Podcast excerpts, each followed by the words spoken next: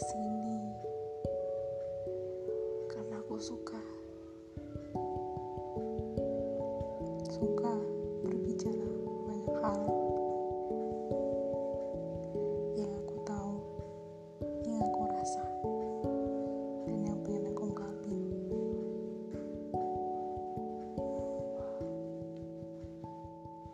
Eh, kalian bisa panggil aku aku podcast. Hmm, karena aku lebih suka apa ya? Karena aku lebih pengen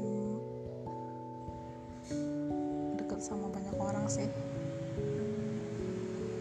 Tapi nggak suara aja soalnya kalau bikin YouTube aku nggak bisa. Tapi aku bikin podcast itu ngomong sama orang tanpa orang lain itu tahu aku tuh kayak apa.